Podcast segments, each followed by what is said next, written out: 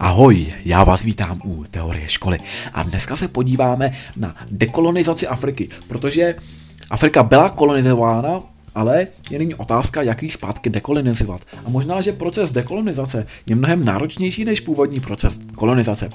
Já vám přeji pěkné poslouchání a můžeme jít na to.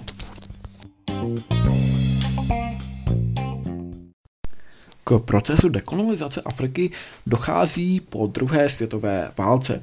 V této době máme jenom čtyři nezávislé státy. Máme zde Jihoafrickou unii, která se osamostatnila roku 1910. Máme tady Egypt, Etiopii a Liberii, která je svobodná už od roku 1947. Asi největším držitelem kolonií v Africe je Velká Británie a ta se snaží změnit svoje koloniální vztahy, zejména vznikem Commonwealthu. A Commonwealth znamená udržení politického a hospodářského vlivu, ale přitom je zde snaha zachovat svobodu států a tímto způsobem se osamostatní mnoho území od roku 1961 až do roku 1969. My si uvedeme některé příklady kolonií, které Velká Británie dekolonizovala. Například taková Ghana, která byla poměrně lukrativní, protože obsahovala mnoho zlata, konec konců nazývala se Zlatá Ghana. Ta získala, získala autonomii o něco dříve než další kolonie roku 1957. Snahu o samostatnost zde vyvinul již Kwame Nkrumah a ten se snažil o samostatnost v rámci nenásilné nespolupráce a občanské neangažovanosti a po osvobození se stává prvním prezidentem Ghany. Můžeme vidět, že Ghana se snažila o nezávislost ve správné době, samostatnost získala roku 1957, což je v období světské krize. Ta trvala od roku 1956 do roku 1957, kdy zrovna Britové museli bojovat o suezký průplav, z kterého měli poměrně velké zisky, který právě z nás znárodnil egyptský prezident Gamal Abdal Nasir. Takže v této době bojují o suezký průplav a díky tomu právě Ghana získává nezávislost. Dalším a, místem, které si získává nezávislost, je Kenya. V Keně se vytváří teroristické hnutí, které útočí na bělochy. Toto povstání se nazývá Mau Mau. Takže Mau Mau, teroristické hnutí, povstání. To působí od roku 1952 do roku 1960 a je proti němu vyvinutá tzv. operace Kovadlina, což má být odvetná akce. Ta se děje, tato operace Kovadlina má být uskutečněna roku 1954 a opravdu tak je uskutečněna. Není ovšem příliš humánní, opět dochází k vytváření koncentračních táborů pro muže, ženy a děti jsou přestěhovány do umělých vesnic a je nastolena nová vláda. Nicméně roku 1963 konečně dochází k autonomii Keni a Kenia se osamostatňuje roku 1964, dokonce je republikou. Většina afrických kolonií se nachází ve střední Africe. Středoafrické državy jsou osvobozeny v letech 1653 až 16, teda 1953 až 1963. A, a například severní Rodézie se rozdělí na federaci, která je z jedné části severní Rodézie, z druhé části Ňaska. Ta severní Rodézie se potom roku 1964 osamostatní vzniká Zambie a z Ňasky se osamostatní další země, což je Malávy, roku také 1964. Poměrně zapeklitý případ britské kolonie je Nigérie.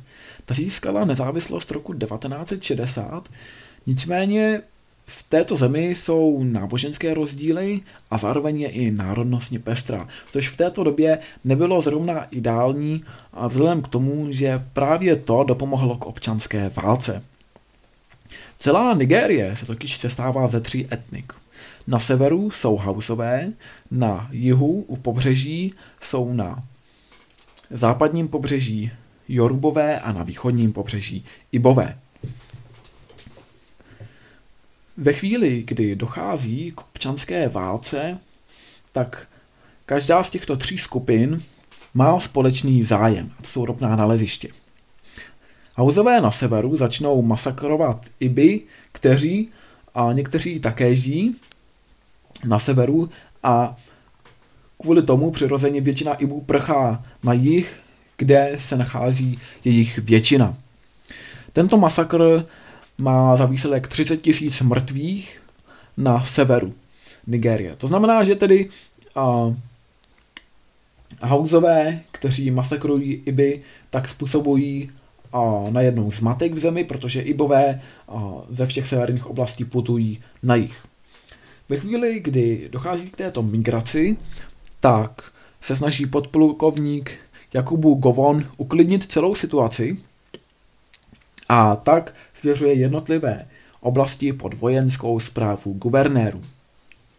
Nicméně jeden z těch guvernérů, Chukwema Ojekwu, Ojukwu, se odmítá podřídit a zakládá vlastní stát republiku Biafra. Tento stát se nachází v oblasti, kde je nejvíce Ibu, tedy na východo jižním pobřeží Nigérie a zde je také nejvíce ropných vrtů. Tři čtvrtiny ropných vrtů Nigérie se nachází zrovna v oblasti, kde Chukwema Odemugwu Ojukwu zakládá republiku Biafra. A tato republika tedy poměrně těží z ropy, což ale vůbec nepřispívá vztahům v, ve zbytku Nigérie. Roku 1967 je tedy vyhlášena válka, nicméně nigerijská armáda není schopná porazit Biafru. Takže o, se rozhodne pro jinou strategii a to vyhladovění. Vyhladovění republiky Biafra. Takže zablokuje všechny a, přístupové cesty tak, aby se tam nemohl dostat a, žádný transport jídla a Ibové opravdu hladoví. Nejvíce hladoví děti a následek hladomoru je asi 3 miliony mrtvých. Se odhaduje.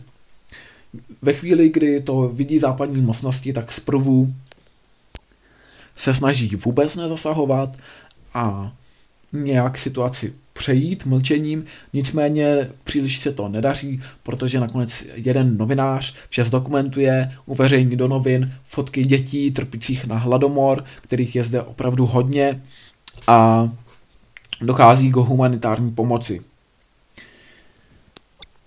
Po berlínské krizi se tak vytváří, po první berlínské krizi druhý největší most, letecký most se zde vytváří, takže zde létají letadla, která přinášejí potraviny, nicméně to stále nestačí, je to velmi málo. A tak nakonec tedy a republika Biafra prohrává a stává se opět součástí Nigérie.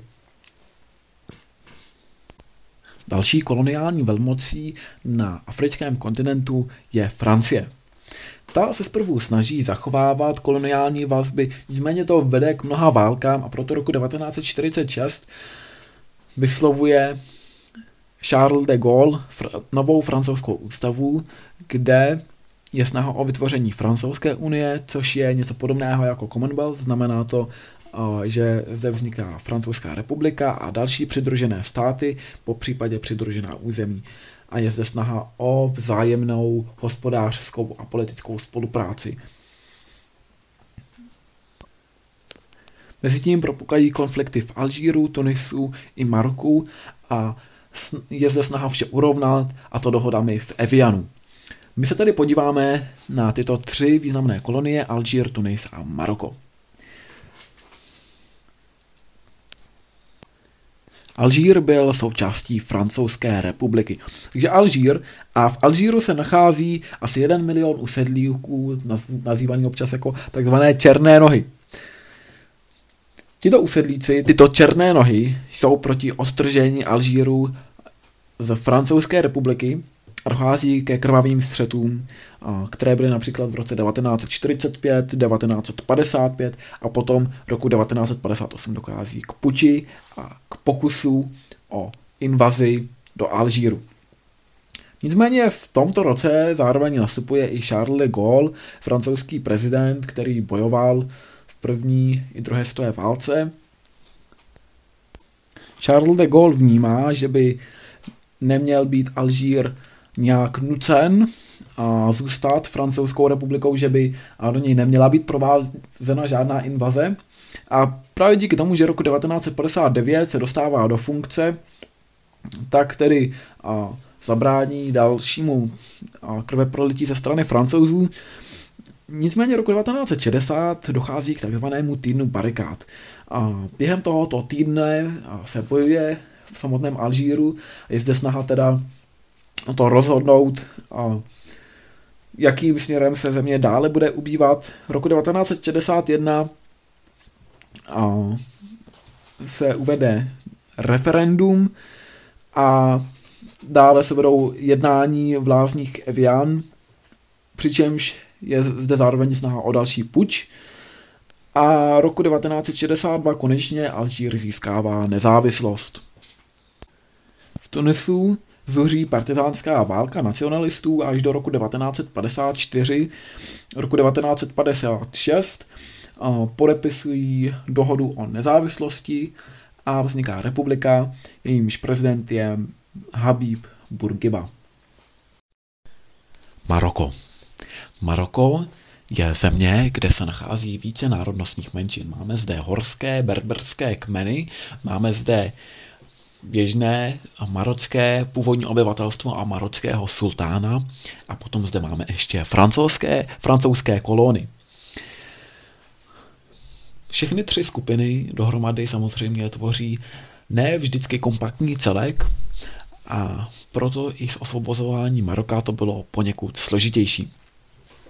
Vše začalo roku 1953, kdy dochází k ozbrojenému povstání horských berberských kmenů, a zároveň je deportován sultán Muhammad, Muhammad V., který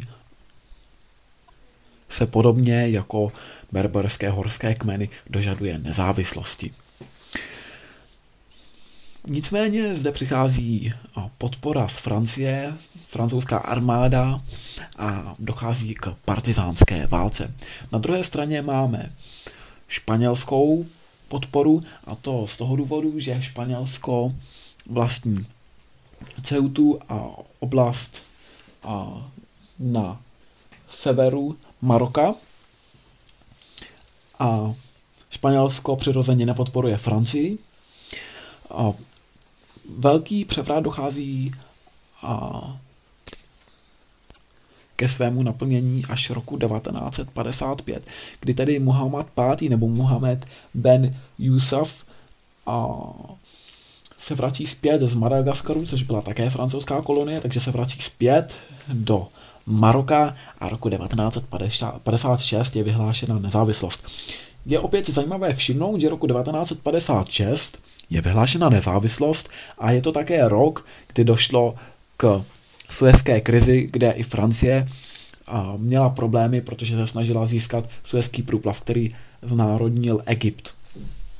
Takže roku 1956 se osvobozuje Maroko, taky i díky hnutí Istiklal, což je výrazně nacionalistické hnutí, které právě se také zasloužilo o vznik Maroka a dále se přetransformovalo v politickou stranu, Potom zde máme Tunis, ten také tedy se osvobodil roku 1956 a Alžír, který se osvobodil až roku 1962.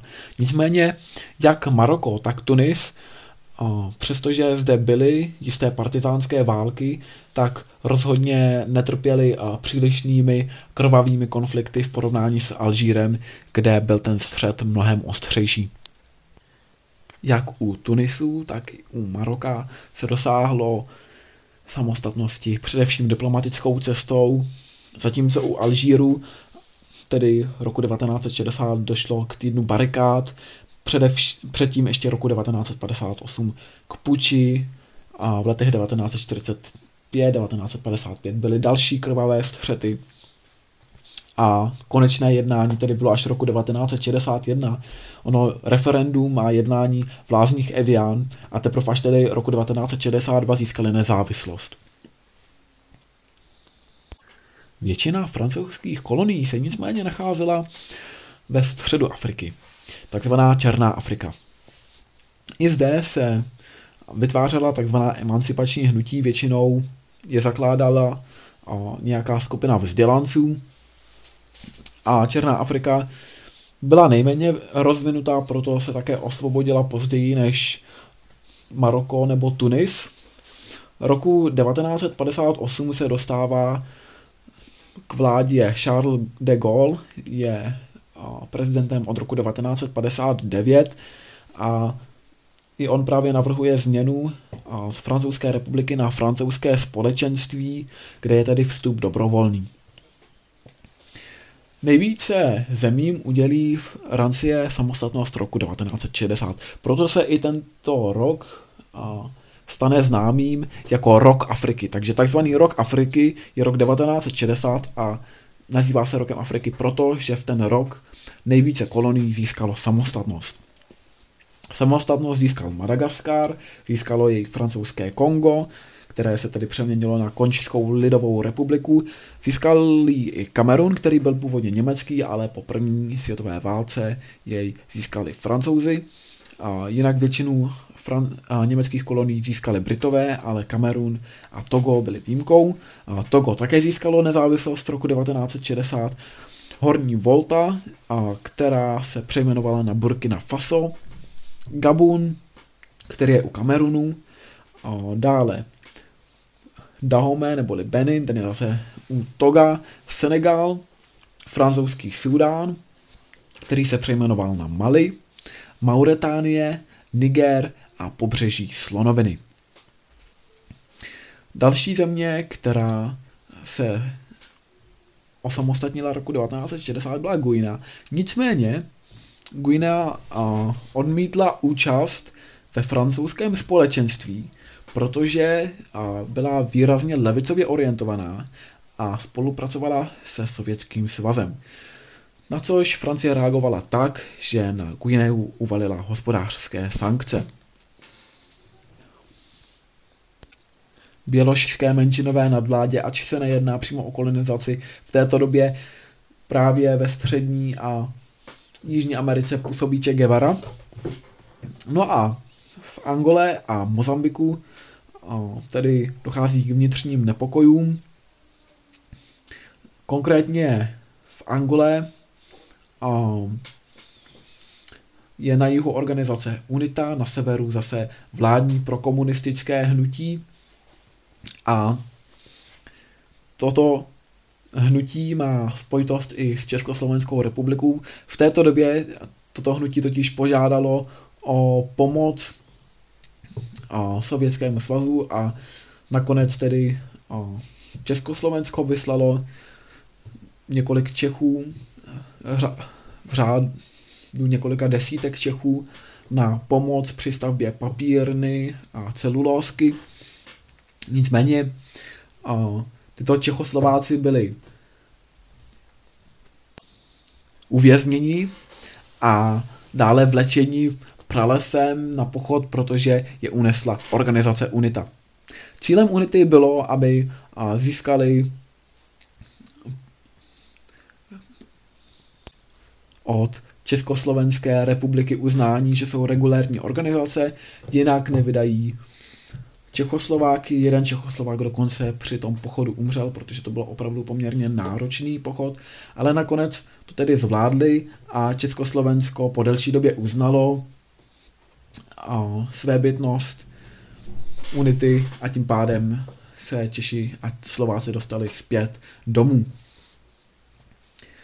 Nakonec nicméně UNITA neuspěla a prosadila se vládní prokomunistická organizace. A potom tu máme i Mozambik, ten podobně jako Angola tedy byl osvobozen roku 1975. Dalšími državami, které Portugalsko uvolňuje, je Guinea Bissau, ta se osvobodila roku 1974 a Kapverdy, nebo které se přejmenují na Republiku ostrovů Zeleného mysu, se osvobodí roku 1975.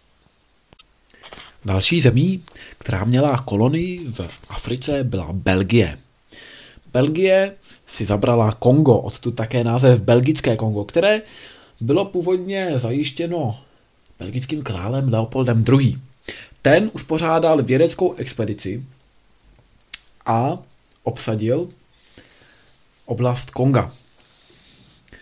Původně to tedy byla oblast, která patřila soukromně Leopoldu II. Nakonec se ale dostala pod zprávu celé Belgie. Soukromou kolonií byla do roku 1908, ale hlavní město se až dodnes jmenuje Leopoldville, takže můžeme vidět, že opravdu král Leopold II. zachoval po sobě svoji památku. Belgie a belgické Kongo získalo od Belgie samostatnost roku 1960. Zajistilo jí konžské národní hnutí, které vedl Patrice Lumumba. Ten bojoval proti koloniální nadvládě, ale byl zavražděn.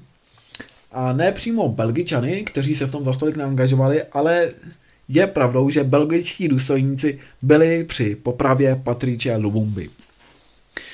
Máme zde různé frakce, lidové hnutí, a vzpoury rodo, domorodých jednotek a takové domorodé jednotky se dopouštějí i násilí na Evropanech, takže samozřejmě zase zasahuje Belgie.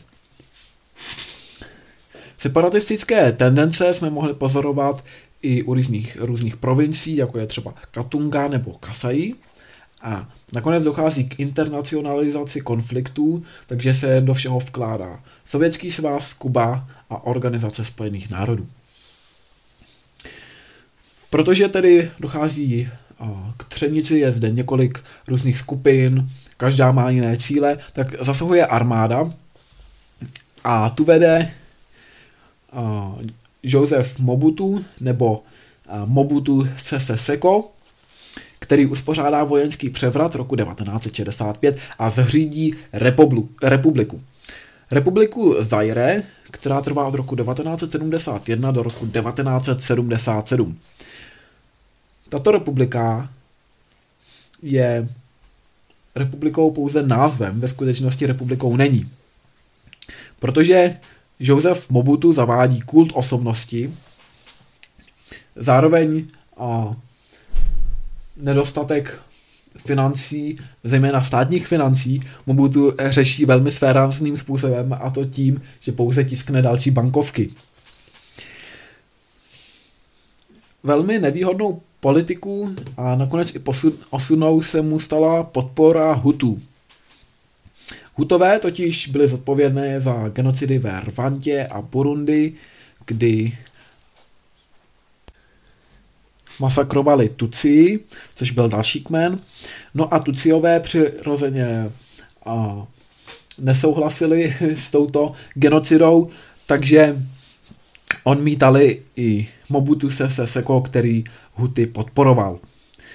Tuciové v Kongu ovládají východní část, v té době tedy ne východní část Konga, ale východní část Zairu, protože Joseph Mobutu přejmenoval Kongo na republiku Zaire a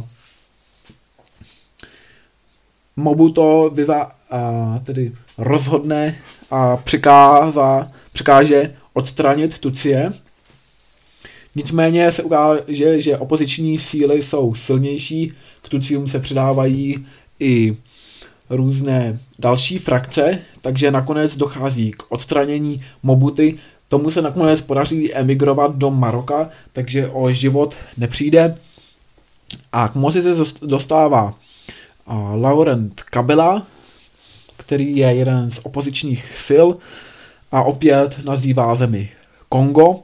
Nicméně ten je zavražděn, ale jeho syn Josef Kabila se dostává k moci a stává se prezidentem.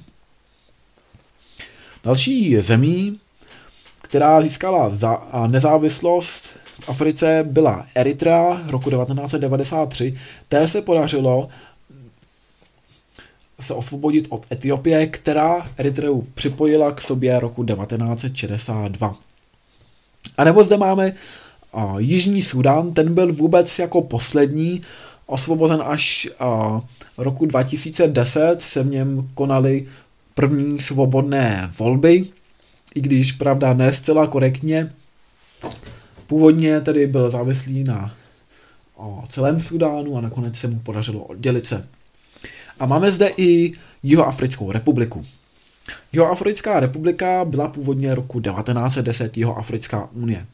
Jihoafrická unie byl poměrně vyspělý průmyslový stát, konec konců nacházeli se zde i bůrové a byla zde vedena politika apartheidu. To znamená oddělování na základě rasové příslušnosti na bělochy a černochy. Vytvářely se zde bantustany, což jsou území pouze pro černochy a byly území, kde žili pouze černí, pouze bílí, což a, přirozeně nepůsobilo vřelé vztahy. Roku 1961 se odděluje Jihoafrická republika z Jihoafrické unie a vytváří se zde Africký národní kongres, neboli African National Congress, což můžeme srovnat i s Indickým národním kongresem, ten se zase jmenoval Indian National Congress.